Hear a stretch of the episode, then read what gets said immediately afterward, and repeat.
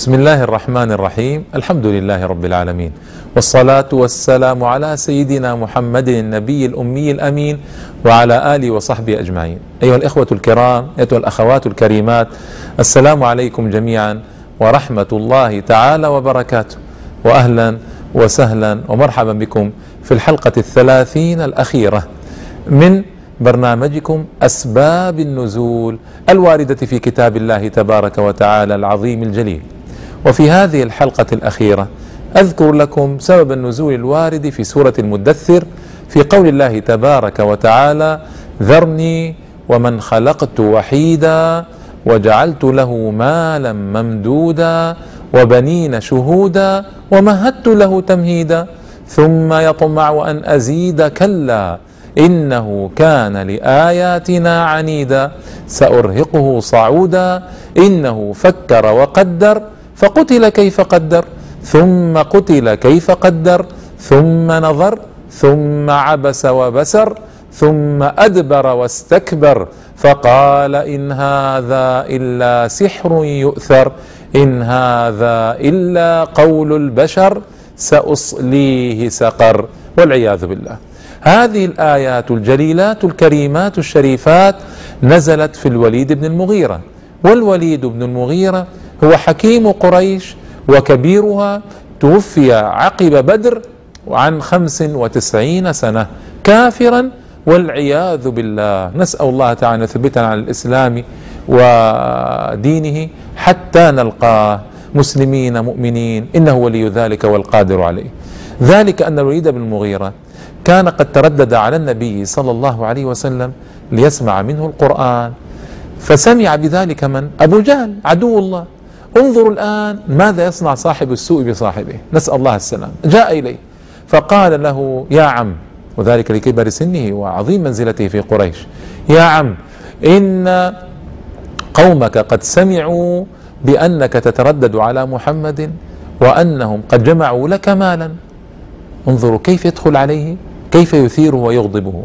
قال ولم؟ ولقد علمت قريش أني من أكثرها مالا.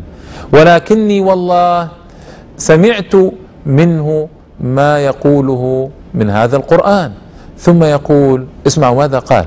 قال والله ما منكم أحد أعلم بشعر العربي ولا برجزه ولا بقصيده مني. والله إن له لحلاوة. يعني عن ماذا يتكلم الآن؟ عن القرآن الذي سمعه من النبي صلى الله عليه وسلم.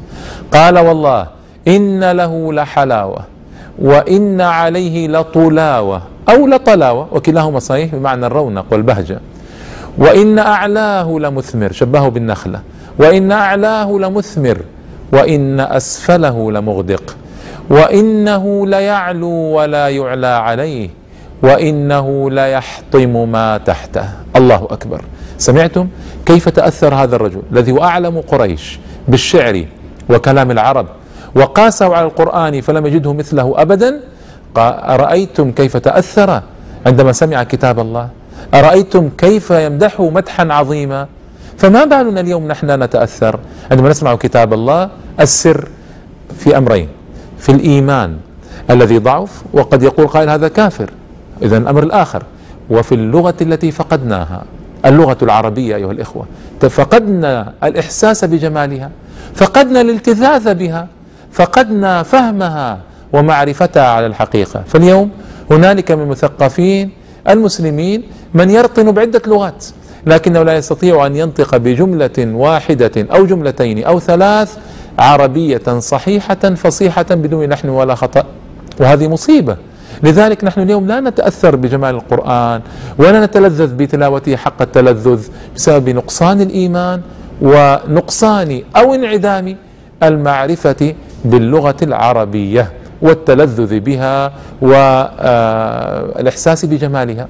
هذا الرجل من كبار علماء اللغة ومن أعاظم عارفيها. لذلك تأثر تأثرا كبيرا جدا عندما تلي عليه القرآن.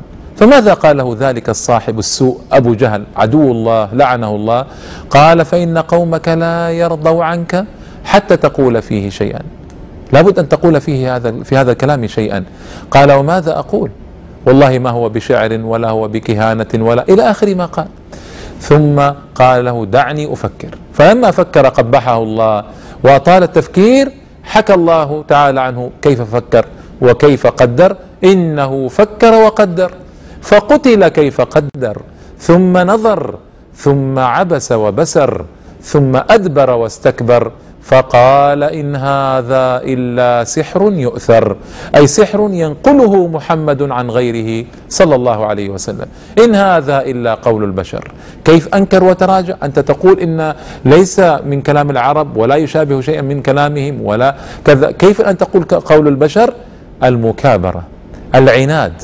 صاحب السوء الذي زين له أنه لا بد أن يقول شيئا فقال كلاما ولو باطلا وزورا لكن المهم له أن يقول. يا إخوة ويا أيتها الأخوات أصحاب السوء أصحاب السوء اطردوهم. لا تقبلوهم لأنهم يقربونكم إلى النار ويباعدونكم من الجنة. والله تعالى قال الأخلاء أي في الدنيا الذين كانوا مكتملين محبة يومئذ أي في الآخرة؟ بعضهم لبعض عدو إلا المتقين والعياذ بالله. يتعادى الأصحاب في, في الآخرة يتعادون ويتفرقون ولا يعترف واحد منهم صحبة الآخر من شدة ما يرى من هول الآخرة. نسأل الله السلامة منها. وفي هذه الآية أيضا أو في هذه الآيات بيان لإعجاز القرآن العظيم. كيف نزل؟ كيف أثر في الناس؟ كيف آه، حرك مشاعرهم؟ كيف هز المجتمعات آنذاك؟ تصديقا لقول الله تبارك وتعالى وكذلك أوحينا إليك روحا من أمرنا القرآن روح سرى في المجتمعات الميتة الجاهلية فأحياها وكون منها مجتمعا عظيما هائلا ساد الدنيا ألف سنة من الزمان. إعجاز القرآن الهائل الرائع الذي أثر حتى في ذلك الكافر وأثر في كثره كثيرين من كفار العرب. وللرافعي كلمة رائعة جليلة في إعجاز القرآن يقول فيها لقد كان للعرب دولة من الكلام لكنها ظلت بلا ملك حتى جاءهم القرآن. الله أكبر. ما أجمل هذا؟ فالقرآن ملك الكلام وأعظم الكلام.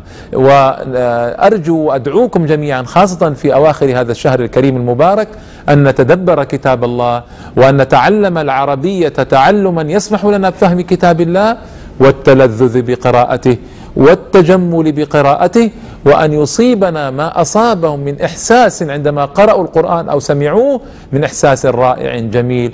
والاكثر منهم أسلم وبعضهم ظل على كفره. لكنهم كلهم تأثروا تاثرا بالغا من سماعهم كتاب الله.